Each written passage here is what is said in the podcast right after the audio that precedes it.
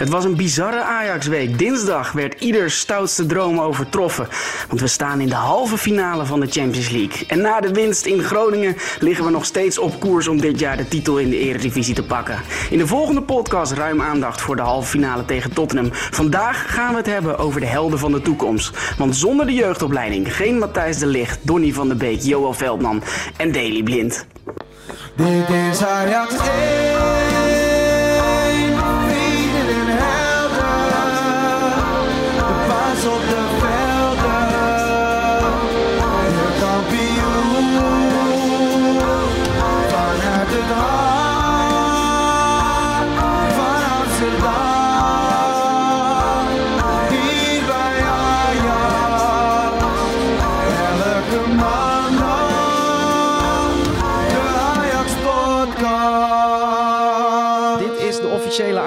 Ajax-podcast waarin Diederik en ik de kans krijgen om Ajax een beetje beter te leren kennen. En we hopen jou als luisteraar daarin mee te nemen. Check je dit via ajax.nl en wil je elke week op de hoogte blijven? Abonneer je dan op eh, de Ajax-podcast via een podcast-app en die zijn op alle telefoons te downloaden.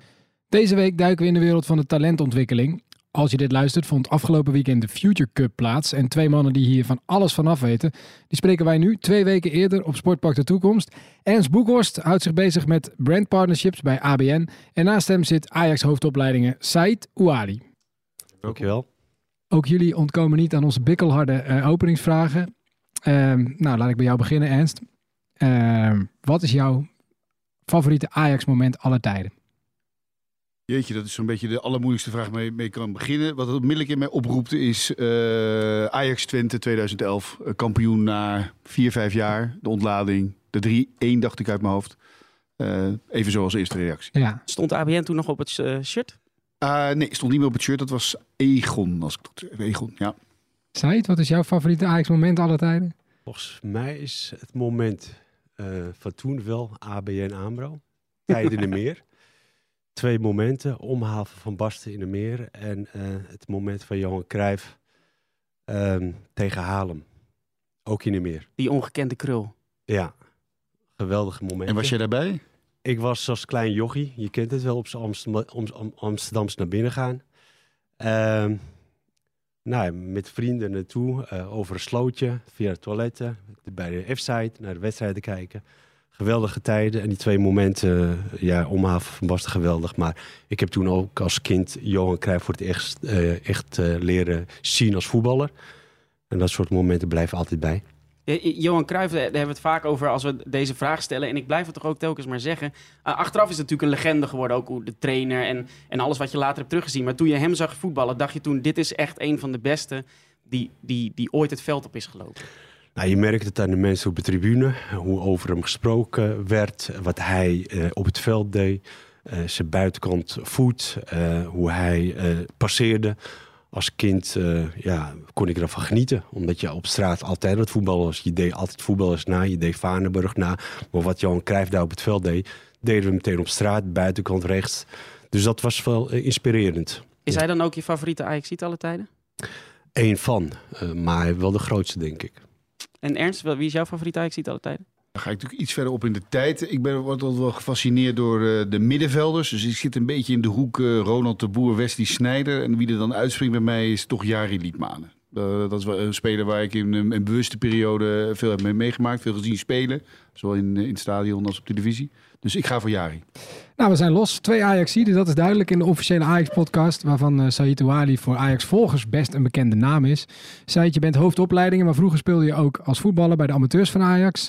En je won als coach met de B1 de Future Cup. Ben je voetballer, trainer of bestuurder?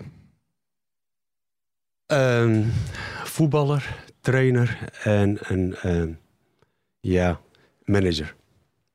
Wat ben je het meest? Eh, ik ben gelukkig veelzijdig opgeleid. Eh, begon op straat als eh, straatvoetballer. Vanaf daar eh 11 tegen op het veld. Via opleiding CIO's en sportacademie trainer geworden. lesgeven. Dat ben ik nog steeds. En ja, via de geleidelijk weg ben je op een gegeven moment manager geworden. En nu eindverantwoordelijk voor je jeugdopleiding. Dus eh, in mijn carrière zit er wel eh, een bepaalde lijn van geleidelijkheid. Eh, nergens om gevraagd, maar dat overkomt je. Je groeit in een bepaalde rol in. omgeving ziet, bepaalde vaardigheden in. En dan wordt je gevraagd en vervolgens ga je die beroep uitvoeren. En blijkt dus dat je ja, aanleg voor hebt, voor alle drie. En geef je nu nog training zelf, af en toe? We hebben op dit moment zoveel trainers op het veld dat ik vooral observeer. En dat ik alle elftallen probeer te zien, zowel onderbouw, middenbouw als bovenbouw. Eh, in alle wedstrijden ook. En de overige teamtrainers, skilltrainers, assistent, assistenttrainers, eh, die eh, doen het veldwerk. Want hoeveel mensen werken er als trainer bij Ajax in totaal? Zo? 35 trainers, teamtrainers, skilltrainers en individuele trainers. Dus veel trainers. Wij willen graag onze spelers zo goed mogelijk begeleiden. Veel aandacht, individueel aandacht, daar staan we ook voor. Vandaar dat we heel veel verschillende trainers op het veld willen hebben. En hoeveel jeugdspelers heeft Ajax eigenlijk? Plus minus 220. Kijk, dit is een goede overhoring, Anne. Je hebt het, Ja. eh, en het wordt meteen... Nee, maar- het wordt 200 feitenkennis. Ja, maar, maar, maar als hoofd jeugdopleiding moet je dan 220 eh, kinderen tot nou ja, jongvolwassenen allemaal kennen. En de kwaliteiten daarvan en kunnen beoordelen. Ja, gelukkig eh, doe ik dat eh, niet alleen. Ik Nee, heb eh coördinatoren. Ja. Ik heb veel trainers. En, wij praten dagelijks, wekelijks over onze spelers. Over hoe wij willen spelen. Wat wij graag op het veld willen zien, naast het veld. Dus ik heb ontzettend veel mensen die mij daarbij helpen. Wat dat betreft heb ik het erg getroffen met alle medewerkers hier op de toekomst. Ja. Eh, behoorlijke bijdrage leveren kan ik je vertellen. Maar eh, ik kan me ook voorstellen dat toen je eh, voetbalcarrière was, trainer, dat je dan niet denkt, ik word een, een- een manager. En die rol, heb je daar tegenop gezien ook in je leven? Nee, wat ik zei, ik heb het op straat moeten leren. Eh, Vrij laat in Nederland gekomen. Ik was elf. Dus taal heb ik op straat leren, geleerd. Voetbal heb ik op straat geleerd. Vanaf daar op een gegeven moment hier bij Zaterdag Amateurs terechtgekomen, naar Haarlem. Dus ehm, Maar zeg je, ga je nu ook zeggen dat je manager ook op straat hebt geleerd? eh, waarschijnlijk wel, want heel veel eh, dingen die ik eh, op straat geleerd heb, sportopleidingen, ook in speciaal onderwijs, daar maak ik maximaal gebruik van. En het beïnvloeden van mensen. Je wil graag het maximale uit een kind of uit een medewerker uithalen. Dus dat doe je dat. Referentiekader die je hebt, opleiding, maar ook hoe je bent als persoon. Dus ik maak daar maximaal gebruik van. Je was, heb ik me laten vertellen, een tweebenige technisch vaardige voetballer. Maar hier lopen wel hele technisch vaardige voetballers rond. Ook mensen die je aan moet sturen. Ehm, hoe heb je overwicht? Hoe krijg je autoriteit tegenover mensen die de Champions League hebben gewonnen met, met Ajax bijvoorbeeld? Ehm, de vraag is, moet je overweg hebben of gewoon kennis en kunde en gezag? Ehm, wat wij aan het doen zijn, is dat wij samen iets willen doen. Ik maak maximaal gebruik van alle mensen hier op de werkvloer, oud voetballers die wat meegemaakt hebben. Ja, daar maak ik ook maximaal gebruik van, van de kennis die ze hebben als voetballers. En dat voelt elkaar aan en dat werkt prima.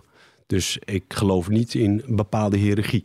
Ik geloof wel in een gezamenlijke doel die we hebben hier op de toekomst. Eh, je- werkte al een tijd eh, bij Ajax voordat je hoofd jeugdopleiding werd. Veel rollen gehad. Eh, Ja. Binnen de jeugdopleiding kan je ook zeggen dat jij bent opgeleid door Ajax. Tot uiteindelijk het hoofd, nou ja, hoofd jeugdopleiding. Absoluut, absoluut. Eh, ook bij zaterdagamateurs heb je natuurlijk als speler het een en ander meegemaakt. En hier eh, eh, zeven jaar geleden hier naartoe gekomen als trainer voor A2 toen. Je hebt wel een bepaalde kennis, maar wat je hier meemaakt met al die oud voetballers, filosofie Johan Cruijff, dat heeft me zeker gevormd. En ik ben blij dat ik daar een onderdeel van mij ben. En ik ben zeker ehm eh, gegroeid daarin. Want veel dingen die ik hier geleerd heb als eh, trainer, coördinator, hoofdjeugdopleiding, heb ik niet uit de boeken, maar echt hier van de mensen hier. Wat dan? Eh, nog de gedachte Johan Cruijff. Ik zei al, ik bewonder hem eh, op het veld. Ehm, maar de mensen die hier met hem gewerkt hebben, hebben zoveel dingen over verteld. Maar ook de werkwijze is daarop gebaseerd, op zijn ideeën. En dat proberen we gewoon voor te zetten. Natuurlijk proberen we in dingen, in accenten bij te sturen. Eh, maar de gedachte hoe eh, gevoetbald moet worden, dat is zeker een, eh, ding wat ik wil bijdragen. De methode Cruijff is volgens mij binnen Ajax het meest besproken thema van de afgelopen decennia. Maar wat is dat voor jou dan, de methode Johan Cruijff? Als jij het zou moeten uitleggen. Nou, dat in, in, in drie wielen gedacht worden. Onderbouw, middenbouw en bovenbouw. Per wiel heb je specifieke doelstellingen. Nou, bij de kleintjes is het hoofdzakelijk techniek. Veelzijdig techniek. Eh, dus alles technieksoorten, middenvoet, middenhoofd. Eh, spelers, jonge spelers, de vrijheid eh, geven om te ontdekken. Veel dingen uit straat daar implementeren, zodat ze dat toe kunnen passen. Vervolgens kom je bij de middenbouw. De groeigroep, de medische groep, ehm, daar heb je met allerlei problematiek te maken. Dan betekent dat we in de onderbouw aangeleerd hebben, willen we graag in de middenbouw toepassen. Eh, rekening houden met eh, problematiek zoals groei. En vervolgens kom je bij professionele tak, dus de bovenbouw. En dan moet je de gedachte hebben richting het eerste elftal. Dat wil zeggen dat een speler van 16, 17 jaar dingen moet laten zien... dat hij al meteen klaar is voor het eerste elftal. Specialisme dus. En die, eh, je zegt eh, problematiek groei, is het toch echt een probleem? Nou, Ontwikkeling of is het, eh, ja.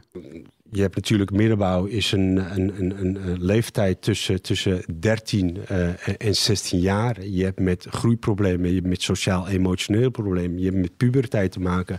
Ja, die spelers hebben ontzettend veel uitdagingen op de leeftijd. En wij zijn als deskundigen om te helpen. Eh, dus dat zijn wel dingen, een uitdaging voor de spelers. Je mag het ook problemen noemen. Is dat dan ook de fase? We hebben hier ook in de podcast wel eens Dani de Wit gehad. En die zei eh onomwonden, ik was echt niet iedere lichting eh, de beste speler die ertussen zat. Maar ik heb het nu uiteindelijk wel tot het eerste gehaald. Is dat dan ook waar, waar veel hele, misschien hele talentvolle voetballers het uiteindelijk toch net niet halen op het mentale vlak? Nou, goede zelfanalyse van Dani. eh, is vrij laat binnengekomen. Maar Dani is door keihard werken teamspeler groot geworden. Ehm, heeft zich altijd dienend opgesteld. Eh, zijn opdrachten uitgevoerd. eh, keihard gewerkt. Zowel hier bij de club, maar ook bij de club. En dan zie je dat hij ook bijdrage heeft in de teamprestatie. Beter, spelers beter heeft gemaakt. En nu heeft hij eh, ja, zijn debuut gemaakt bij het eerste elftal. Zit regelmatig bij het eerste elftal. Pas zijn contract getekend. Dus ook op die manier kan het. Ja. En nu waren we jou ook nog een beetje persoonlijk aan het leren kennen. Ehm, na je spelerscarrière ben je dus bij Ajax gegroeid, dat heb je nu verteld. Maar wel altijd ben je met jeugd bezig geweest. Hoe komt dat? Hoe dat komt? Eh, ja, ik, ik, ik, ehm, ik vind het prettig om ehm, het maximale uit een kind eh, volwassenen te halen. Ehm, ik vind het werken met jongeren super energiek. Dynamiek wat ontstaat eh, geeft zoveel uitdagingen. Het is nooit voorspelbaar. Je verveelt je ook niet. Dus je bent voortdurend bezig om eh, eh, goede voorwaarden te creëren voor een individu om te groeien in een bepaalde rol. Of het nou een speler is of een medewerker. Dus dat zijn dingen waar je dagelijks mee bezig bent. En eh, ik vind het heerlijk. Wat drijft jou? Het samenwerken, het maximale uit een individu halen, verbindingen zoeken met elkaar, gezamenlijke doelen realiseren. Dat zijn dingen die mij heel veel energie geven. Nou, naast Saito Ali hebben we nog een gast. Je hoorde hem net al even, Ernst Boekhorst. Hij is manager, bij, eh, manager Brand and Sponsoring Foundation bij ABN. Ja, dat vinden we toch een hele mond vol. En wat doe je de hele dag, Ernst? Nou, je zou zeggen, daar heeft hij zijn handen vol aan. Eh, nee, wa- wat wij doen is, eh, wat ik doe met een team van ongeveer 30 eh, collega's, is dat we zijn enerzijds verantwoordelijk voor de foundation van de bank. Dat is dus een foundation die zich erop richt om ongeveer 10.000 medewerkers maatschappelijk actief te hebben in het, eh, in het maatschappelijk werkveld, ook hier bij Ajax. Mhm. Eh, de sponsoractiviteiten, de sponsorafdeling of de sponsorclub eh behartigt alle sponsorcontracten die we hebben. En ik ben ook nog verantwoordelijk voor het merk. En dat wil zeggen dat we eigenlijk kijken niet alleen naar het merk ABN AMRO, maar ook naar andere merken die de bank voert. Dickie is daar een mooi voorbeeld van, denk ik, Mhm. hier aan tafel. Eh, en dat allemaal opgeteld heeft eigenlijk maar tot één doel, is dat we er moeten voor zorgen dat ABN op een goede, positieve, sympathieke manier eh, in, in, in de lucht is, eh, aanwezig is. En dat kun je op vele manieren doen, aan maatschappelijke kant, commerciële kant. En, en dat is iets wat elke dag een groot feest is. En voor jou persoonlijk, wat is jouw band met Ajax? Mijn band met Ajax. nou, ik ging vroeger met mijn vader, ik woonde in Zwolle. gingen wij, als, als mijn vader nog niet te moe was van het werken, gingen wij op zondag naar de meer. Dus daar is het eigenlijk een beetje ontstaan. Eh, vandaar dat ook naar het Olympisch Stadion. Nou, uiteindelijk eh, mag je dan zelf reizen en ga je met vriendjes eh, naar de Europa Cup wedstrijden. Dus het zit er eigenlijk al vanaf heel jongs af, jongs af aan in. Ik ben in 2006 bij de banken begonnen. Toen waren wij nog hoofdsponsor van, van Ajax. Ja, van daaruit ben ik de afgelopen jaren in die verschillende rollen altijd de sponsoractiviteiten erbij blijven doen. Maar ik denk dat als je solliciteert voor deze functie, dan moet je toch bijna wel Ajax-fan zijn. Ja, want, ik- want ABN AMRO en Ajax, dat is zo met elkaar verweven, dat als jij telkens in de Kuip zou staan juichen, dan zou je, dan zou je hier een moeilijke tijd hebben. Ja, dat helpt niet. Dat, aan die kant helpt het zeker eh, eh, niet. Eh, dat is die- zeker wel dat je Ajax ziet bent. Maar je moet niet onderschatten dat het binnen de bank ook wel eens lastig is. Als je natuurlijk bepaalde commerciële beslissingen moet nemen over contracten of activiteiten die we wel niet doen. Ben je dan fan of ben je dan goed voor de bank bezig? Nou, gelukkig heb je altijd mensen om je heen die samen met je meekijken wat het beste is voor beide werelden. Maar dat is best wel eens een uitdaging. Ja. En maar als, fan zijn is wel prettig hoor. ja. En als we vragen, ben jij het meeste eh, speler, eh, trainer of eh, manager? Dan denk ik dat het laatste vooral van toepassing is. Ja, ik had graag speler willen zijn, eh, eh, jongens. Maar, Kon je het een beetje vroeger? Nee, nee, nee, sterker nog, mijn ouders waren niet zo voetbalminded. We hadden één voetbalclub, ik woonde in Maartensdijk toen. En dat was de, volgens mij de SVM Boys. Eh, ik heb wel mee mogen trainen met een vriendje illegaal. Maar eh, eh, voetbal, dat was niet echt een goed idee, vonden mijn ouders. Sorry. Maar wel altijd gevolgd. Maar ik ben wel meer de, de manager, denk Ja. ik. die, Ook op straat geleerd. Nou ja, ik, het zijn wel mooie dingen die Said ook zegt. Hè? Het verbinden, het samenwerken, daar krijg ik ook wel energie van. Ik ben ook bezig met mensen, het beste uit die mensen te halen om het goed, eh, het beste voor de bank te bewerkstelligen. Dus ik ken wel de, de passie die we allebei eh, hier eh, verkondigen. Maar Ajax en ABN die zijn dus met elkaar verweven. Maar wat houdt dan op een dagelijkse basis of wekelijkse basis jouw eh, rol eh, met Ajax in? Hoe, hoe, hoe krijg je met ze te maken? Nou, mijn rol zit met name in. eh, misschien moet ik even uitleggen. We hebben een aantal mensen die actief zijn op de toekomst en in het stadion. Je hebt mensen die gespecialiseerd zijn in de wedstrijddagen. We hebben mensen die gespecialiseerd zijn hier op de toekomst, die ook samenwerken met het team van Said. Eh, en het is aan mij de taak om daar, eh, zeker met het management van Ajax, eh, de beste afspraken over te maken. Die zowel voor Ajax goed zijn. Hè, want het gaat, draait hier om voetbal en niet om, om de commercie. Maar er zijn natuurlijk vaak momenten dat dat wel kan. En daar maken we dan graag gebruik van. En dat vindt Ajax ook fijn. Dan gebeurt die dingen. En dat inspireert weer onze medewerkers, onze klanten om hier te zijn. Dus mijn rol zit met name in de representatie, contracten en het, de, ja, Ja. de afstemming met het management. Maar als fan ben je natuurlijk ook gespecialiseerd in de wedstrijddagen. Ja, maar ook daar hebben we mensen voor. Dus ik ben, eh, om alle misverstanden te voorkomen, ik ben niet bij elke wedstrijd. Nee? Eh, dat hoeft ook niet. Eh, we verdelen dat ook wel een beetje in het team. Maar we hebben ook heel vaak activiteiten bij de wedstrijden. Het zij hier op de toekomst, dan wel in het stadion. Dan ben ik er vaak bij om zelf ook een verhaal te houden wat we met de bank allemaal doen. En dan kijk ik uiteraard ook de wedstrijd. Je, je, je hebt twee dingen gezegd nu die, waarvan ik even benieuwd ben hoe ze zich met elkaar verhouden. Aan de ene kant zeg je, eh, ja, ik moet soms e- even koud, koud zijn. Soms ben ik even geen fan. Dan moet ik die Ja. beslissingen nemen. Ja. Aan de andere kant eh, heb je net geschetst eh, dat eh, er in april 2011 voor jou een prachtige dag was Ja. met Ajax Twente. Ehm of mij zal het geweest zijn, denk ik. Maar wil ik vanaf zijn. Ik denk ook, in, ja, het was de verjaardag van mijn zoon. Dus Ja. dat is 15 mei. was het. 15 mei, ja, precies. Eh, En van Frank de Boer. hoe stond je daar toen dan? Moet je daar... Nee, dat is, eh, dat is, nou ja, ging het jasje ik- uit? Nee, ja, het jasje ging zeker Het is uit. nu maar- ook uit, Ja, maar er zijn uitzonderingen. Hè? Maar ik denk dat, eh, dat we het allemaal wel herkennen. Als je met je maten naar het voetbal gaat, heb je een andere emotie. Als je voor werk bent of in een werkgerelateerde relatie, juich je zeker. Maar ben je wel wat ingetogener. Dus het is soms fijner om met je vriend of vriendin naar het, of met, met een paar naar het voetbal te gaan. Dan dat je misschien in een box zit of op de eretribune met een aantal klanten.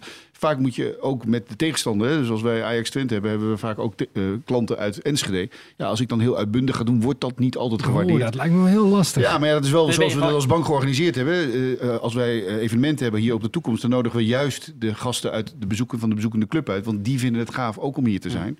Ja, dan moet je ook je, je gedrag een beetje aanpassen. Maar je bent dan wel altijd aan het werk.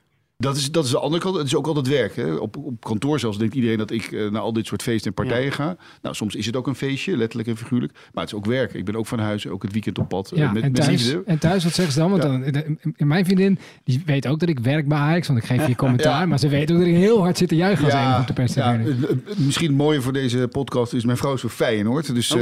eh, als enige in het gezin. En ik heb eh, vier jongens en een, eh, en een dochter. Die zijn inmiddels wat ouder. Eh, dus het weggaan van huis en eh, het weten wat ik doe, dat is goed uit te leggen. En ze volgen het ook allemaal op de social media. maar kun wat je, kun, je, kun je het verkopen dat het werk is? Ja, ja, inmiddels wel, ja, na al die jaren. Nee, maar het is ook werk, weet je. Ik bedoel, mijn vrouw gaat wel eens mee naar een wedstrijd. Dan spreekt ze mij ook niet. Dan is het ook niet gezellig. Ehm, dus als wij naar het voetbal gaan, dan ga ik vaak met haar alleen. Eh, en dan zit ik gewoon op de tribune eh, als, Ja. als mens. En hoe is dat voor jou, Said? Eh, zie je veel Ajax 1 wedstrijden in het stadion? Allemaal.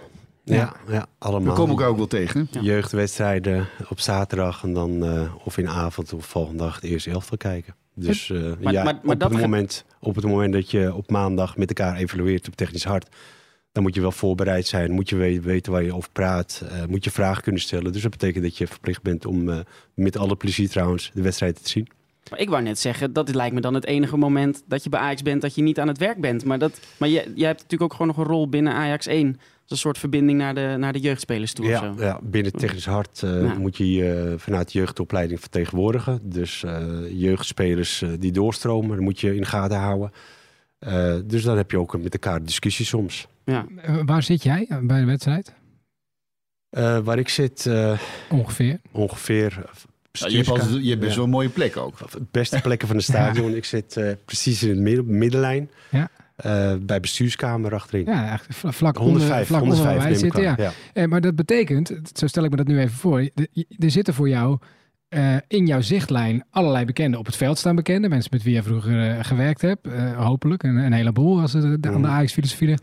Er staan ballenjongens langs de kant die jij kent. Ja. Eh, er zitten misschien wel jongens die, die, die gewoon eh, eh, vanuit de jeugd zitten te kijken, of niet? Ben je, Ja, pupil van de week of het hoog houden. Hoog houden, ja. precies. Ben jij, ja, want met het volgen wij natuurlijk altijd te voet, het hooghouden, Ja. eh, de, de, de Richard Witsche bokaal. Daar ben ik ook nog even nieuwsgierig naar. Ben jij, ben jij ook echt eh, teleurgesteld of misschien juist trots op het moment dat het duizend keer is of toch maar 108 zoals afgelopen weekend? Nee, je zag afgelopen weekend de afleiding voor jou heel erg groot is. Dus je zag het al aankomen. Maar goed, het feit dat, eh, dat, dat een glimlach op gezicht was en het genieten van, dat is evenveel waard als drie, eh, 3000 keer omhoog houden. Ja, maar jij bent een beetje een vader voor de hele opleiding ook. Dat is ook een klein beetje jouw rol. Dus ik, ik stel me even voor dat jij daar in dat vak ook om je heen staat te kijken en constant mensen op het veld, hè, op al die plekken iets ziet doen. En er misschien ook wel wat ik, van ik, vindt. ik kom hem wel eens tegen. En hij heeft inderdaad een mooie plek. En soms zit ik daar ook. Eh, ik krijg altijd een knikje of een hand. Maar hij is wel heel super serieus. Dus het is een knikje, maar hij, je weet, hij is aan het werk. En hij ziet alles. Maar hij weet ook, ik moet eh, de aandacht geven aan daar waar ik voor ben. Eh, dus ik vind dat je dat heel goed doet. Eh, Je kan daar van alles doen, hè, op die Loge, met Ja. iedereen praten. Maar jij komt wel met een focus binnen. Maar wel het oog voor iedereen, volgens mij. Ja, ik kom daar eerlijk gezegd voor de wedstrijd. Ja. En ik eh, ben blij als de scheidsrechter fluit. Een uh, randzaak eromheen, prima, hoort er ook maar bij. Maar ik eh, ben vooral gelukkig als Ja, de wedstrijd... eh, Maar zit je Een randzak. Maar hoe ver gaat dat? Want stel je voor dat een ballenjongen te, te snel of, of te vroeg, of, eh, dat, dat kun je ook goed doen voor Ajax. Ja, je liet Tegen meer op- PSV kun je er even extra balletje erin Ja, gooien. dat nog. is een spel. Eh, ik kan soms ook genieten van een spel die gaande is tussen een ballenjongen en een tegenstander. Dat, dat, dat hoort erbij. Maar, eh, maar dan nog, eh, zodra een scheidsrechter fluit, dan is een voetbalwedstrijd voor mij eh, leidend. Ja. En de handeling van de spelers dan. Maar zit je dan nog dingen op te schrijven? Of eh, zitten er mensen naast je met wie je dingen overlegt? Nee, ik ga altijd met mijn zoontje. Hij weet dat ik eh, niet van praat houd tijdens wedstrijd. Die houdt keurig zijn mond. Eh, Heeft dus- hij hier ook verstand van? Ja, hij zit zelf voor voetbal. Dus eh, na de wedstrijd, voor de wedstrijd hebben we een Ja. gesprek. Soms tussendoor ook hoor, daar niet van. Maar focus ligt op de wedstrijd, de handeling van de spelers. Tegenstander, hoe spelers, hoe dagen ze ons uit? Wat is ons tegenzet? Dat soort dingen. Maak je aantekeningen ook? Ik maak geen aan. In het begin wel, maar nu niet meer. Eh, je weet in grote lijnen wat je wil zien, wat je niet wil zien. Dus dat gaat inmiddels eh, automatisch. We zaten eigenlijk in de kennismaking met Ernst. En eh, Ernst, ja, de eerste keer dat we jou hier voorbij zagen komen bij Ajax, althans, eh, wat ik toen ik het terug ging zoeken kon vinden, was een interview dat je vier jaar geleden deed. Je legde toen al uit wat het sponsorship van ABN inhield. Gewoon zou het niet wat voor ABN zijn om hoofdsponsor te worden. Eh, maar dat is niet aan de orde. Wij kiezen echt voor een meer maatschappelijk ingestoken sponsorrichting. En daar past de jeugd, eh, het vrouwenvoetbal en de amateurs veel meer bij. Dus dat was een makkelijke keuze. Dat is de reden dat jij hier nu met Said zit, denk ik. Is dit nog steeds zo op deze manier? Is er nog iets veranderd in die tijd? Nee, kijk, ik denk dat eh, ik denk alleen maar versterkt. Eh, partner van de toekomst, letterlijk en figuurlijk hier bij Ajax, maar ook als leidraad voor onze sponsorportfolio is nog steeds eh, leading. Hè? Dus eh, zowel in het hockey als in, de, in het tennis. Maar ook wat we doen op kunst- en cultuurgebied is met name jeugd en het ontdekken en ontwikkelen daarvan de, de belangrijkste factor. Eh, wat we daarin versterkt hebben is ook het toevoegen van die foundation daaraan, waardoor ook medewerkers aan dit thema bijdragen. Dus eh, nee, Ajax is voor ons nog steeds eh, letterlijk en figuurlijk een partner van de toekomst. Dus de interview staat goed als een huis. Ja, dat was, ja maar je, je, je sponsort ook, of ABN sponsort ook andere sportclubs. Je bent druk, zag ik op je Twitter ook bijvoorbeeld met het toernooi in Rotterdam natuurlijk. Ehm, Tennistoernooi. ja, tennistoernooi, ja. Ja. Ja, dat heet het. Ja, daar hebben Dus, we nog eh, een World Tennis Tour. Nee, maar ook dat. en er zijn er je- knap veel toernooien, kwam ik achter, die ABN toen- toen- op de een of andere manier aan zich eh Nee, maar je hebt, je hebt, kijk, sponsoring doe je natuurlijk op een aantal manieren voor een aantal doelen. Eh, dat is om, eh, om eh, ja, een bijdrage te leveren aan eh, als ja, bedrijf wat wil je zijn, wat wil je uitstralen. Je strategie kan je dat noemen. Eh, dat doe je voor je klanten en dat doe je voor de sympathie voor het merken waar we het net ook over hadden. Nou, ik denk dat eh, een leidraad daarin is dat partner van het toekomstverhaal. Maar dat neemt niet weg dat je ook soms grote evenementen nodig hebt, zoals in Rotterdam, waarbij je 15.000 klanten ontmoet. Neemt niet weg dat we ook daar kiezen eh, voor het thema Partner van de Toekomst. Dus door de week, je kan ontzettend veel doen met, met Richard Krajicek en Esther Vergeer. Maar ook met een nieuwe lichting tennissers. Met jonge kinderen die dat nog mee in aanraking zijn gekomen. Dus we halen heel veel scholen naar Rotterdam. Eh, dus die leidraad eh, is zowel voor de top als de breedte eh, nog steeds aanwezig. Maar- en Ajax is dan de top. En ook wel een beetje een inspiratiebron om dat in andere domeinen uit te rollen. Het feit dat hier bijvoorbeeld trainers mogen van voetbalclubs kunnen komen... om van de collega's van Said te kijken hoe doet Ajax dat nou. Ja, is ook een vorm van inspiratie. Dus het, Ajax is voor ons een beetje de, de cherry... die de inspiratie biedt voor de andere eh, activiteiten. Ja, maar als je op het shirt van de hoofdsponsor eh, of op het shirt van Ajax 1 staat, dan ga je de hele wereld over. Dan, dan staat er straks eh, tegen Juventus en dan staat er toch ABN AMRO er in de kwartfinale van de Champions League. Ja, dat is natuurlijk de laatste dagen de meest gestelde vraag. Eh, Ja. Maar dat is wel een bewuste keuze. Dat was toen in 2015 zo. En dat is het nog steeds. Kijk, ik denk dat we ook niet moeten onderschatten dat eh ABN AMRO als merk een andere positie heeft in de maatschappij. Hè. Eh, het sponsoren van voetbal, het grote voetbal, het grote geld. Ja, dat vraagt ook wel iets eh, in geld. Maar ook in wat vindt de maatschappij ervan. Nou, eh, wij hebben een bewuste keuze gemaakt in 2015 om een andere eh, keuze te maken. En daar voelen wij ons zeer comfortabel bij. En ik denk dat Ziggo eh, alle lof en alle, hoe alle benefits krijgt nu met de, de uitzendingen. En wat daar ook nog wel speelt is, ABN AMRO is niet meer die wereldwijde bank die het was... eh, waar jij eh, net aan refereerde toen we op het shirt stonden. Eh, we zijn een bank die is gericht op Nederland met een aantal buitenlandse deelnemingen. Ja, en als Ajax bij spreken in, noem eens wat, Spanje speelt, hebben wij daar ook geen connectie meer. ABN AMRO was daar vroeger wel een bank, maar nu niet meer. Maar sluit je dan ook niet automatisch klanten uit de regio Eindhoven en Rotterdam mee uit? Dat, heb, dat, is altijd, dat is nog meer als je hoofdsponsor Ja. bent. Want dan deden wij activiteiten op bankkantoren in de goede dagen dat we eh, hoofdsponsor waren. En, en dan sloten wij inderdaad Rotterdam en Eindhoven deden we iets anders op een ander moment.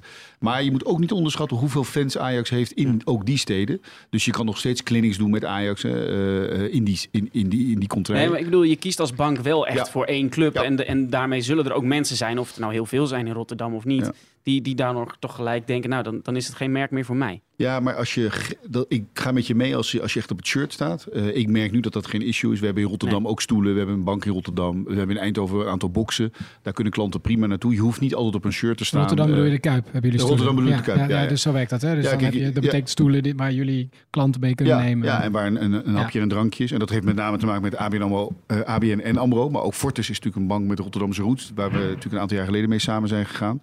Dus wij willen ook die klanten bedienen. Dus ook, maar ook in meerdere stadions eh, hebben we plekken. Dus dat bijt niet. Dus dat is goed. Ik denk dat iedereen ook wel begrijpt dat ABN AMRO en Ajax gaan terug sinds 91.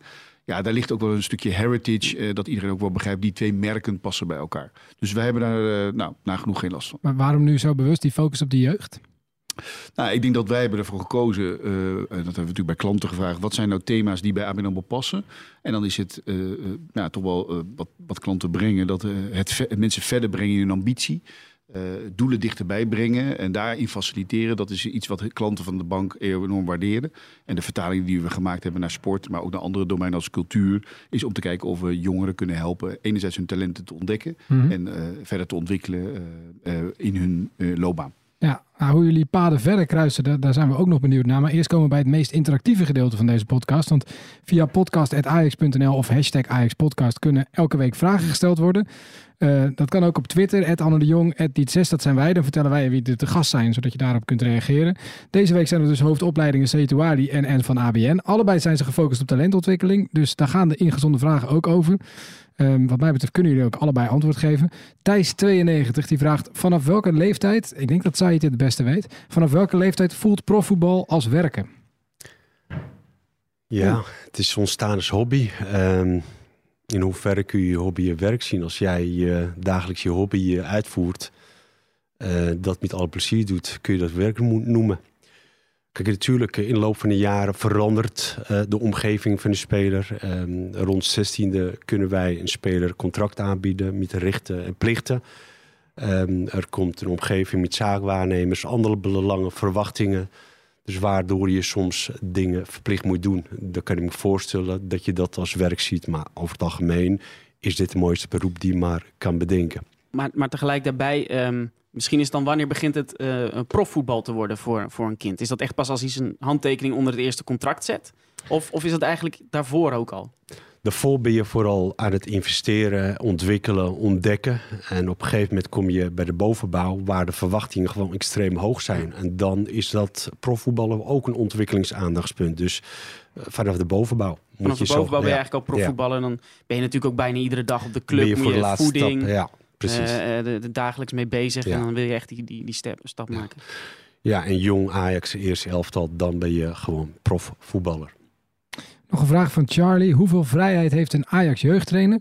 En misschien omdat jij wel eens op de toekomst rondkijkt, Ernst, eh, kun, je, kun je het zien. Maar ehm, eh, om een eigen trainingsmethode samen te stellen. Een trainingsmethode is van Ajax, dat is beleid. Dat bewaken wij. Eh, wij vinden het wel prettig, eh, zowel voor speler als trainer, dat een, een trainer ook ruimte krijgt om zijn eigen identiteit, zijn eigen ideeën, creativiteit eh, als bijdrage heeft. Maar over het algemeen is dat beleid voor 80% va- vast en 20% is voor de trainer Maar, zelf. eh, beleid even gewoon ehm, de- vertaald naar de amateurvoetballer. Eh, onze training was eh, even een rondootje doen. Nee. Nou, laten we zeggen dat ik denk bij de meeste amateurvoetballers bestaat, de bestaat een training voor minimaal de helft uit een partijtje. Eh, dat zijn percentages en, eh, en een schietoefening. Kun je met die percentages spelen als je onder de, onder de 15 trainer bent hier bijvoorbeeld? Ja hoor, het is afhankelijk van eh, wiel, onderbouw, middenbouw en bovenbouw. Er zijn drie verschillende wielen eh, met specifieke doelstellingen. En dat is dus ook eh, voor de trainer heel belangrijk. Bij de kleintjes Maar- is het bijna eh, een 100% techniek. Dat moet steeds terugkomen. En bij eh, middenbouw hoor je ook rekening te houden met andere dingen. En de bovenbouw hoor je te richten op eh, professionaliteit specialisme. Maar weet een, een eh, trainer van, nou, laten we zeggen, de, de onder 14... eh, al wat hij volgende week dinsdag op zijn training mo- moet gaan geven? Ja. Hoe, hoe ver van tevoren is dat vastgesteld? Of is dat gewoon standaard en ligt het tot, totdat het nieuwe beleidsplan geschreven wordt vast? Eh, dat is, eh, natuurlijk heb je ook te, af te maken met nieuwe situaties. Als jij op zaterdag een wedstrijd speelt, er komen eh, nieuwe uitdaging tevoorschijn. Hoor je de week daarna eraan te werken. Dus daar moet je in, flexibel in zijn. En zo bekijk je dat. Je hebt lange termijn, maar ook korte termijn planning. En dat, dat is dan in overleg met de coördinatoren, neem ik aan, en met jou. Ehm, eh, wie hakt dan uiteindelijk de knoop door? Over, over wa- waar, waarop getraind gaat worden op die dinsdag? Wij hebben gezamenlijk beleid. En eh, op het moment dat de coördinator met de trainer zit, dan wordt er bepaald wat er gedaan wordt. En dan wordt gezamenlijk, aan de hand van een gezamenlijke draagvlak, worden beslissingen genomen in belang van de speler binnen het team. Ja, en dan heb je ook nog de, de skilltrainers. Ja. Ehm, Simon Tamata, ook hier te gast geweest in de podcast. Dat zijn eigenlijk meer een soort spelvormen. Heeft hij dan wel een soort vrijheid om dat eh, eh, te doen? Nou, ja, spelvormen klinkt een beetje eh, eh, amateuristisch. Het, het is het, maar het is allemaal gebaseerd op Ja. techniek natuurlijk. Maar wel in de vorm van een spel, ook om het leuk te houden en competitief. Is hij daar vrijer in bijvoorbeeld? Simon is een specialist in techniek. Dus op het moment dat er een, een- training gemaakt wordt, dan eh, wordt gekeken wat zijn bijdrage is. En die ruimte heeft hij. Als maar gericht op specialisme, techniek.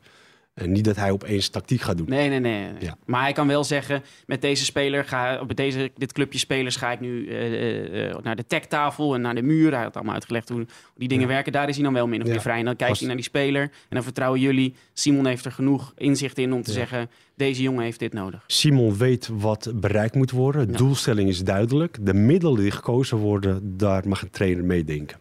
En, en jij hebt meer dan de gemiddelde Ajax-fan de kans gekregen in de afgelopen jaren om hier op de toekomst rond te kijken. Ja. Wat is het gekste dat jij hebt meegemaakt hier? Of heb jij misschien iets gezien waarvan je dacht, zo, daar zijn ze, dat, dat ze dat doen? Dat ze zo... Nou, ik, eh, wat voor mij een eye-opener was, is dat wij, eh, we hebben een programma Talent Centraal, hè, ook als onderdeel van die, die talentaanpak. En die wilden wij ook eh, in de wereld van Ajax meenemen. En wat je dan opvalt is de enorme detail eh, waar men al hier allemaal aan denkt. En eh, ik weet dat Peter Rest, die werkt volgens mij hier niet meer, die, eh, die ook een keer een presentatie heeft gegeven voor ouders en kinderen in een, eh, in een andere omgeving. Ja, dan ben je gewoon onder de indruk. Dus dat is niet echt gek, maar wel in de gek dat je denkt, jeetje, moeten we daar allemaal aan denken? Tot in het detail. Eh, en dat vind ik wel Maar verbazingwekkend. welke Welke details hebben we? Ja. Nou ja, nou ja, goed. Er zijn natuurlijk partners in, in principe die worden aangenomen, eh, die voeding regelen. eh, die geven advies van klein naar ook volgens mij de eerste elftallen, dat wat ze thuis moeten eten. Eh, daar zijn spelers volgens mij wel een beetje vrij in om daar wel of niet gebruik van te maken. Maar dat men daarin meedenkt, vind ik, een, eh, nou, vind ik wel een eh, verbazend detail. Zelfs bij de allerjongste gebeurt dat al. Nou ja, dat, volgens mij wel. En ouders worden daar volgens mij ook in meegenomen. Tenminste, dat was ook zijn verhaal. Ik denk dat er altijd ouders misschien, ik hoop het niet, maar die hebben er wel. Het is niet als in de keuken meekijken. Nee. Ik denk niet jij in de keuken staat van alle kinderen. Maar ik vind het wel fantastisch dat er op dat niveau zo laag begonnen wordt met het voorbereiden op wat goed voor je is. Nou, dat vind ik, eh, vind ik wel bijzonder. eh, k- kruisen jullie paden daar ook? Is het zo dat, dat de foundation van ABN zich ook eh, de, de, de, kennis deelt met Ajax? Of is dat... Nee, het, wat ik heel mooi vind, kijk, ik denk dat wij komen niet aan het voetbalbedrijf. Dat moeten we ook niet doen. Dus wij gebruiken met name de locatie en, en mogen daar soms trainers voor gebruiken, mits dat past in het programma. Heini Otto is voor ons een hele prettige persoon als het gaat om het ontvangen bij talentendagen, maatschappelijke activiteiten. Eh, en train de trainer, wat ik net noem, dat vind ik ook een, eh, mooie Maar, winst. maar jullie mogen die trainers soms gebruiken, zeg je? Eh, hoe, hoe, Nou ja, nou ja, voor, voor clinics, voor klanten of voor kinderen. Mhm. en vaak is hij niet ook zelf in degene die dan ons verrast dat, dat hij iemand heeft die dan een half uurtje de, de laatste oefening. Ik kan me herinneren dat Rafael van der Vaart een keer aan is geschoven. Ja, dat zijn de, denk ik de cherries op de cake die, die ook wel bijzonder zijn. Maar dat trainen trainer wil ik nog even benadrukken. Dat is de kennis die natuurlijk bij Ajax is, die we dan overdragen aan medewerkers van de bank die zelf voetbaltrainer zijn bij hun club. Nou, dat is toch wel mooi dat, eh, dat ze dan hier mogen doen om die kennis. Krijgen ze een training mee naar huis en kunnen ze vol inspiratie naar hun eigen club eh, daarmee aan de slag. Nou, dat zijn kleine dingen waar wij heel blij mee zijn. En wat ook de, ja, het partnership met Ajax eh, anders invult dan we betalen centjes, we mogen op het shirt staan, et cetera. Het is ook gewoon een kijkje in de keuken. Ja, ja, en daar je voordeel mee doen. Ja. Afgelopen weekend, als we dit opnemen, vond... dan, nee, we hebben dit eerder opgenomen, maar afgelopen weekend, als dit wordt uitgezonden, dan vond de Future Cup plaats. Ehm, we weten dus nog niet hoe het zal gaan verlopen. Maar waarom organiseert Ajax dit sinds 2010? Ja, inmiddels is het een traditionele toernooi. Eh, Je hebt het ook ooit gewonnen als trainer. Ja, heerlijk gevoel. maar ik, ik moet zeggen, het was een geweldige lichting. Hè? eh, met eh Donny, Appie, eh Vaslav.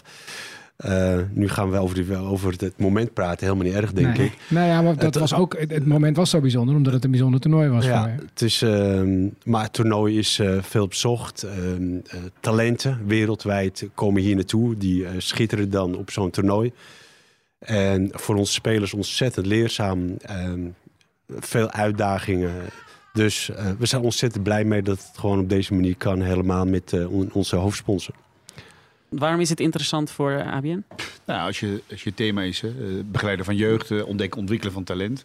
Dan is het toernooi een heel ja, super sympathiek en sportief ook waanzinnig gaaf om te kijken voor, voor klanten met hun kinderen, medewerkers met hun kinderen. Dus het is een uithangbord voor ons en die ook wel bevestigt dat we serieus zijn in die sponsoring. En het is een heel ja, hoogstaand toernooi, dus ik ben zelf ook komen kijken. Mijn kinderen vinden het ook waanzinnig leuk.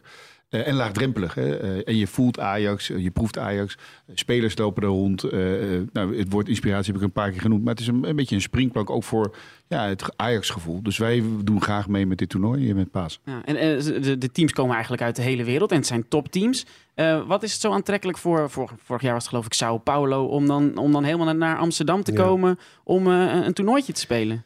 Uitgangspunt is dat wij onze spelers zo eh, goed mogelijk willen uitdagen. En dat betekent dat wij altijd op zoek gaan naar verschillende speelstijlen, verschillende culturen. Want daar zit het. Wat wij jaarlijks niet in de Nederlandse competitie krijgen, proberen we op zo'n moment hier bij het kaart te krijgen. Dus eh, tot nu toe altijd geslaagd. Leuk. Want, ook, want ook, ook al is het een leuk toernooi, vindt eh, ABN AMRO ook al heel veel mensen uitnodigen, sympathiek. ehm, eh, is het ook gewoon voor de spelers echt een heel belangrijk leermoment? Absoluut. We proberen dan ook zoveel mogelijk goede voetballers van die leeftijd eh, bij elkaar te krijgen. Om de club zo goed mogelijk te presenteren. Met onze sponsor erop. Maar ook leermomenten aanreiken tegen andere eh, voetbalculturen. En ik denk ook echt dat het voor Ajax ook een mooi uithangbord is. Dat je met je B-jeugd dit soort wedstrijden speelt. Volgens mij Ziggo, eh onze hoofdsponsor, zendt het uit. Ja, ik vind het echt wel ook weer verbazingwekkend hoeveel aandacht daarvoor is. Dus dat is waanzinnig mooi. Ik vind Ja, het echt... eh, het is in Nederland qua aandacht denk ik alleen maar te vergelijken met de aandacht die er voor, voor de Youth League eh, is, denk ik. Ehm, dat is natuurlijk gigantisch, de Youth League. Hoe Ja. verhoudt het zich daarmee bijvoorbeeld? Ja, je merkt bij Youth League eh, in het begin bescheiden aandacht. Vervolgens neemt het al toe. Ehm, ook dat is een prikkel die noodzakelijk is voor de ontwikkeling van onze spelers. Hè. Kijk, zo'n eh Future Cup, dan kunnen we zelf organiseren. Een, een Youth League moet je op een gegeven moment gaan verdienen. Of via het eerste elftal of zelf.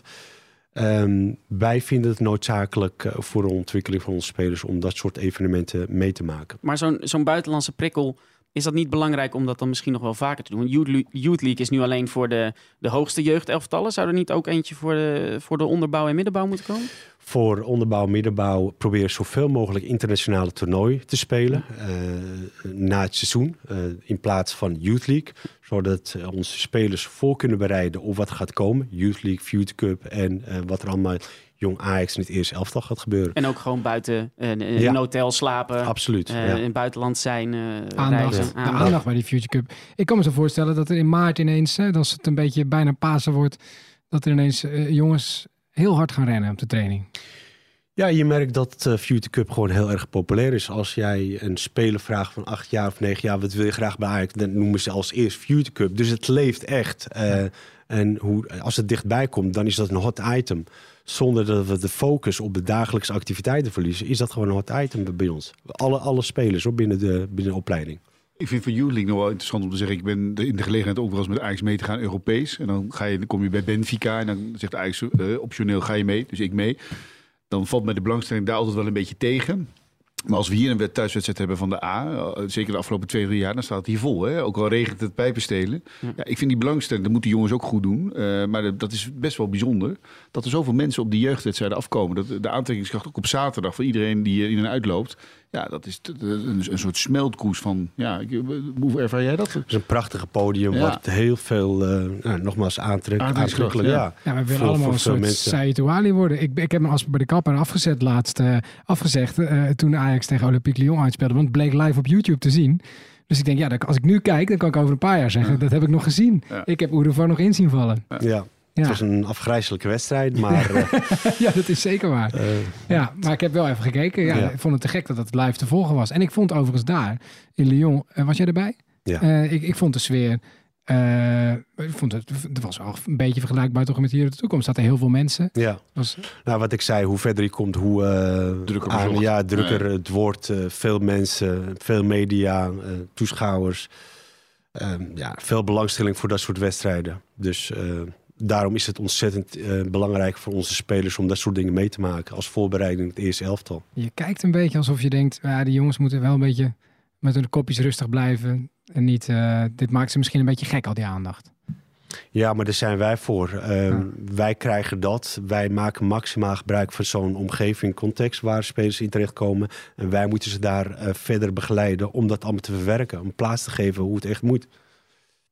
Ik, eh, we, we hebben hier dus met, met jeugdtrainers ook gezeten van, eh, van Ajax. Die zeggen, we proberen altijd te kijken naar het talent en wat een individu ehm, eh, nodig heeft. Het maakt eigenlijk niet, we zouden eigenlijk in iedere competitie kampioen kunnen worden. Maar wij vinden het misschien beter om iemand van onder 14 naar onder 16 te zetten. Als die prikkel nodig is. Is dat iets dat, dat er ook al was toen jij binnenkwam bij Ajax? Eh, toen ik zeven jaar hier begon te werken, was dat, eh, was dat ook iets. En daar zijn we gewoon mee doorgegaan. Alles wat goed is, dat, bleven, willen we onderhouden of eh, verbeteren. Het doorschuiven van spelers is een, iets wat wij ook noodzakelijk vinden voor een individu. Omdat weerstand in Nederland niet wekelijks goed is. Dus zijn wij genoodzaakt om creatief mee om te gaan. Dus jonge spelers door te schuiven. Maar in theorie kunnen we inderdaad teams samenstellen die jaarlijks kampioen kunnen worden. Kunnen worden. Maar daar gaat het niet om. Het gaat uiteindelijk om een doorstroming naar het eerste elftal. Dat zijn er een paar. En wij zijn hier voor om goede voorwaarden te creëren voor de ene talent binnen het team te creëren. Ja. Maar toch zeg jij net aan het begin dat je verbinden een van de leukste dingen vindt. Dit is natuurlijk niet echt een team creëren. Hoe lukt het er dan toch om, om die verbinding te creëren tussen spelers? Een individu bi- binnen het team, een wedstrijd is slechts een middel om het doel voor lange termijn te creëren.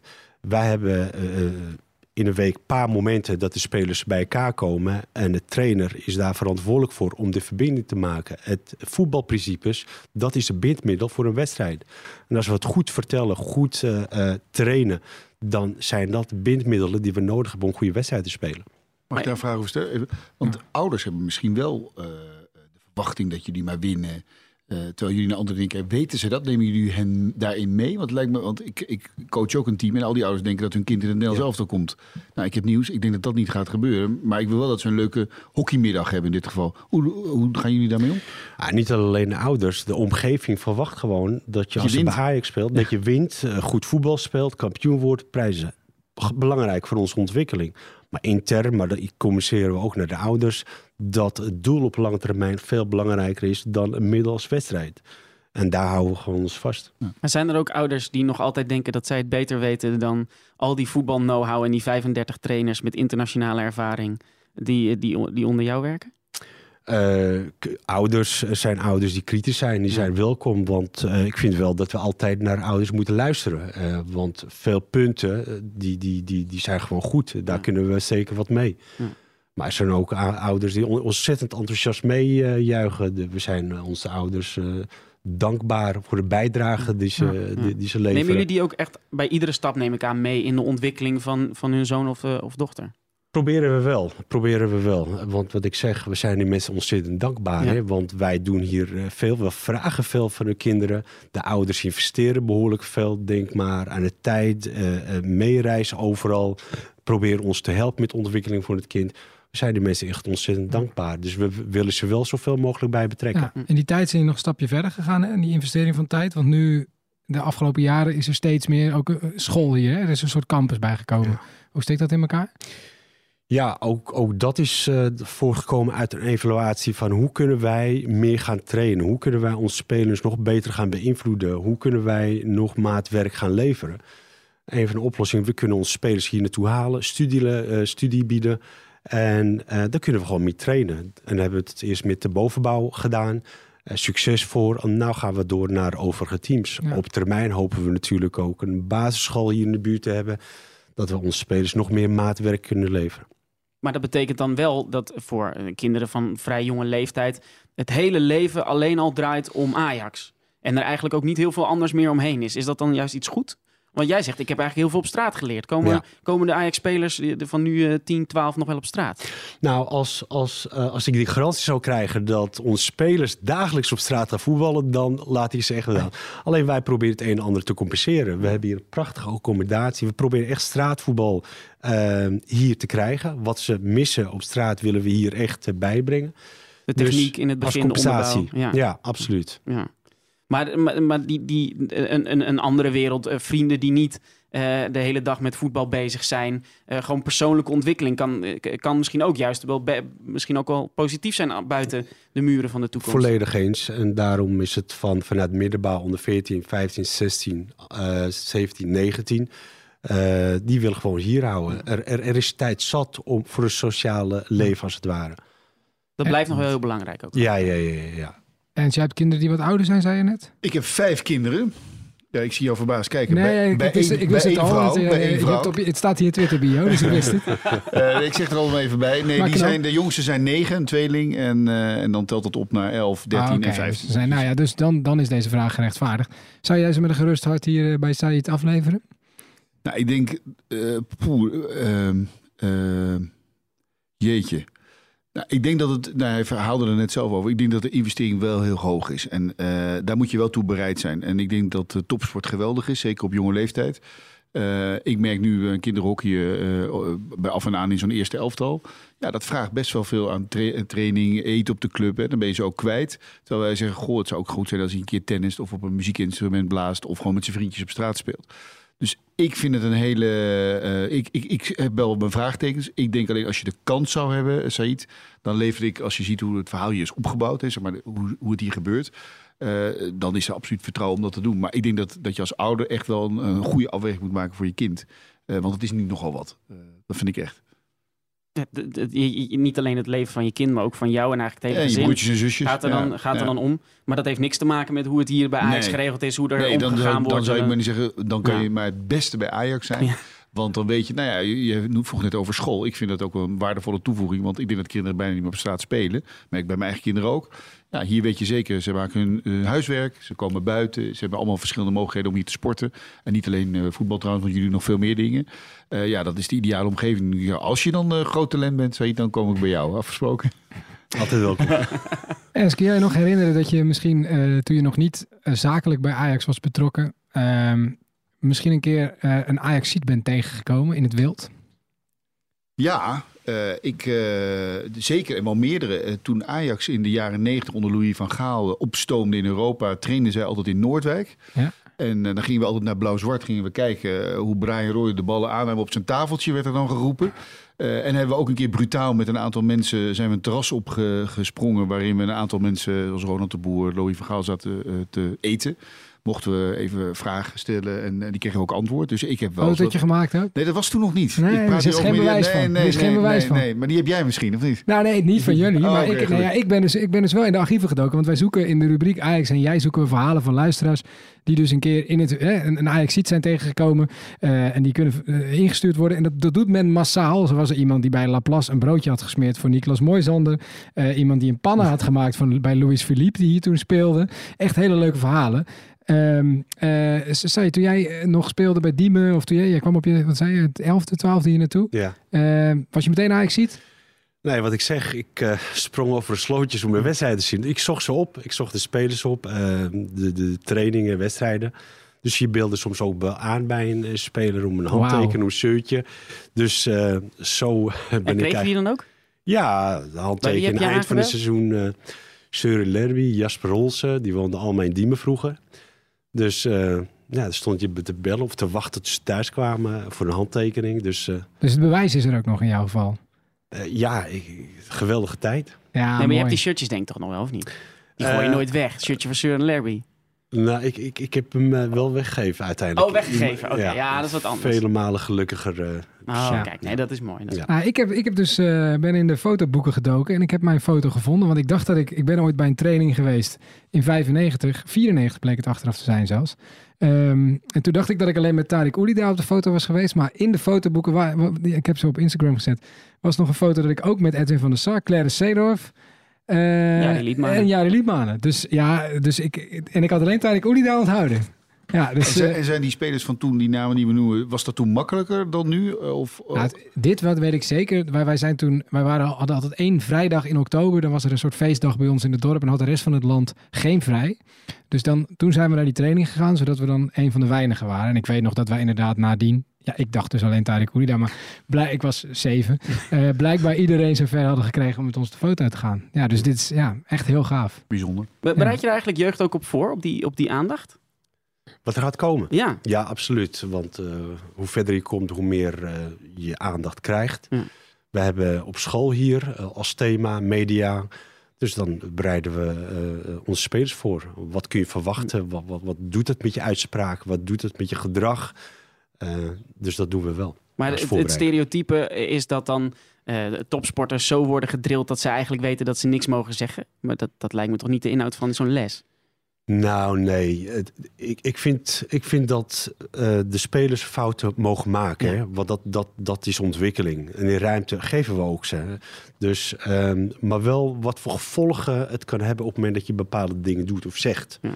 Puur vanuit praktijk, voorbeelden, bespreken we met elkaar. Wat gebeurt er dan op het moment dat je dit en dit doet? En dan mogen de spelers zelf erover nadenken. Maar ruimte voor fouten, ja, die willen En wij voor een graag camera geven. of voor een microfoon mogen ze altijd ook zichzelf zijn. Absoluut. Ze Dat moet worden je ook absoluut. steeds. Jongen, de Unuvar is 15. En Ja. die wordt ook al herkend. Die moet ook al op de foto met iedereen. Ja, foto, interview. eh verstandige jongen, dus dat, dat, dat komt er wel goed. Maar, Maar, eh, maar dat gebeurt bij bijna geen enkele andere club. Dat, dat, dat mensen die in het stadion zitten al weten eh, wie Nassi Unuvar is. En dat had je ook met, eh, met, met, met Abdelhak Nouri natuurlijk. Die naam die gonsde al rond voordat hij één Ja. seconde in Ajax 1 heeft gespeeld. Natuurlijk veel te weinig uiteindelijk. Want die, die ster had nog veel meer moeten, moeten, tot schijnen moeten komen. Maar dat, dat gebeurt nergens anders dan bij de jeugd van Ajax. Dat er al namen rondgaan die dan al heel lang rondzingen. Ja, dat weet ik niet. Ik weet niet wat, wat bij Nee. andere clubs eh, gebeurt eh, met de talenten. Maar wij merken wel dat eh, aandacht voor onze toptalenten wel heel groot is. Ja. Deze week is zo'n voorbeeld dat het niet altijd zo was. Want we hebben deze week een verhaal ingestuurd Oh ja. gekregen van... Ja, we zaten midden in een Ja, rubriek. waren- ja, zeker. ja, de, de rubriek Ajax en jij. Stuur ze in, podcast.ajax.nl. En dat heeft ook gedaan. Jorik, dan moet ik even goed kijken. Roemimper, denk ik dat je het uitspreekt. Ja, toch? Anne, lees jij hem voor? Toen ik een jaar of 14 of 15 was, gingen we naar de camping in Zuid-Frankrijk. Hier maakte ik me- en mijn nichtje vaak meerdere vriendjes en vriendinnetjes om de twee weken door mee te komen. Ook was daar een jongen die mij vroeg om mee te doen om een balletje te trappen op het strandje bij een meer voor de camping. Ik speelde zelf in de C7 van DSO te Zoetermeer en was gek op voetbal. Dat is een talent hoor. dit. Ook al kon ik er zelf niet heel veel van. De jongen die mij spontaan vroeg mee te doen, bleek later, toen ik thuis was, Klaas-Jan Huntelaar te zijn. Ik zag hem op tv en belde mijn nichtje. Allebei waren verbaasd. Dit was de jongen met wie wij gevoetbald en gelachen hadden. Uiteindelijk ging KJH voor mijn club Ajax spelen. Dit was fantastisch, want ik heb nog met hem gevoetbald op een strandje in Frankrijk. En zo goed was hij toen ook nog niet. Of hij hield zich in. Tijdje terug bij de bekerwedstrijd Ajax Go Ahead trapten de spelers na afloop de ballen in het publiek. En geloof het of niet, Klaas-Jan Huntelaar trapt de bal richting mij en twee vrienden. Een vriend achter mij ving de bal en heeft hem natuurlijk aan mij gegeven voor mijn zoontje. En zo is de cirkel weer rond. Mooi, Mooi verhaal, hè? Ja. absoluut. Maar, enig kritiekpuntje. Geen foto. Geen bewijs. Jij, jij bent altijd voor de Geen foto's. bewijs. Maar Ik hoe vind- weet je op een strandje in Frankrijk dat Ja, dit later een foto van die bal is? misschien? Hadden we dat misschien? misschien ja, ook. nou ja, met bewijs vind ik het wel beter. Want het beste verhaal, ehm, eh, de inzender van het beste verhaal, mag op 12 mei bij Ajax tegen Utrecht eh, tussen ons in zitten. Bij het commentaar op de perstribune, bij Ajax Radio. En daarna in de Ajax podcast die we dan opnemen, de laatste van dit seizoen, dit verhaal komen vertellen. Het zou dit verhaal kunnen zijn. Ehm, maar stuur vooral jouw verhalen in. podcast.ajax.nl Ja, ehm eh, Said Ouali, we zijn bijna aan het eind gekomen. Ik vroeg me alleen nog wel af, wat heeft een eh, talent voor Ajax eh, in zichzelf nodig om, om te kunnen slagen? Eh, buiten alle vaardigheden die noodzakelijk zijn om eh profvoetballer te worden. Want eh, alle 200 die hier rondlopen kunnen goed voetballen. Ja, Maar ze gaan niet allemaal Ajax heen. absoluut. Eh, we kunnen ook praten van eh, dat sommige voetballers iets eh, eh, in hun genen hebben. bijzonder talenten zijn. Die verwerken alle, alle, alle, alle prikkels op eigen manier. Dat maakt vaak een, een, een talent zo bijzonder. Het verwerken van alle informatie die een speler krijgt. Alle ellende, alle leuke dingen op een juiste, onverstoorbaar, onverstoorbaar gewand door opleiding heen. Dat is een bijzonder talent. En eh, is bij iedere speler die Ajax 1 dan uiteindelijk haalt, die uit de jeugdopleiding komt, eh, maakt jouw hart dan een sprongetje? Dat is waarvoor je het doet uiteindelijk. Eh, wij allemaal op de toekomst eh, zijn dan ontzettend blij wanneer een speler debuut maakt. Helemaal als hij daar een basisplaats heeft, een internationale status. Want daar doen we het voor. Daar zijn we met z'n allen blij. En eh, eh, ik heb jou allemaal aantekeningen zien maken. Dus ik vroeg me af, heb jij nog een laatste vraag aan Said misschien? Nou, de aantekeningen gingen met name over de filosofie onderbouw, middenbouw, bovenbouw. Ik ben ook een beetje actief in de, in de sport dan op een heel ander niveau. En ik zie daar in het klein dezelfde ontwikkelingen. Nogmaals wat ik net zei, ouders vinden dingen. eh, ik vind het waanzinnig eh, dat je gewoon zegt, ik maak de keuze tot 12 jaar, we gaan voor techniek. Eh, terwijl allemaal in de jongste wil iedereen op resultaat spelen en kampioen worden. Dus ik heb met name die aantekeningen gemaakt waar ik thuis mijn voordeel mee doe. Nee, en, en als, als slot van dit, dit verhaal, ik, ik denk dat we in een fantastische periode zitten voor, eh, voor de Ajax-jeugd, voor de eh, jonge Ajax, voor de Ajax-vrouwen. Hebben we het vandaag eigenlijk helemaal niet over gehad. Eh, de, de Future Cup net achter de rug. Laten we hopen dat het eerste elftal succesvol afsluit. En dan denk ik dat het een mooi jaar mag worden of mag zijn voor Ajax. Een mooi dat, seizoen is en het dat sowieso. maakt mij trots en dat maakt mij als medewerker van de bank ook trots dat we daar verbonden zijn. Ik denk Dus, dat, dus mijn laatste vraag, wanneer is de samenwerking geslaagd? Nou, die vind ik al geslaagd. Eh, met name doordat we gewoon een keuze hebben gemaakt voor dit thema. En, en het slagingssucces zit er gewoon in het feit dat we intrinsiek eh, al heel lang met elkaar eh, als bedrijf elkaar begrijpen. Maar ook dat we hier op de toekomst hele gave dingen doen. En ook de deur altijd open staat aan beide kanten. Dat is ook wel eens mooi om te zeggen. Dat de deur altijd open staat bij Ajax, dat lijkt me als Ajax-fan heerlijk. Ja, die staat Ja. zeker wel. En daarmee zit de aflevering 17 van de Ajax Podcast er bijna op. Via Spotify, Stitcher of iTunes kun je je abonneren. Wat we ook leuk vinden is als je in die apps even een review achterlaat. Zodat anderen er ook achter komen dat we bestaan en dat je ons hopelijk dan leuk vindt. Joey Bodenstaf produceerde deze podcast. Ruben Annink maakte onze geweldige intro-tune. Eh, vragen kun je stellen via podcast.ajax.nl. En dan geven we zoals altijd het laatste woord aan onze gast. We hebben nu twee gasten, dus ik zou zeggen, ehm, wie durft het aan?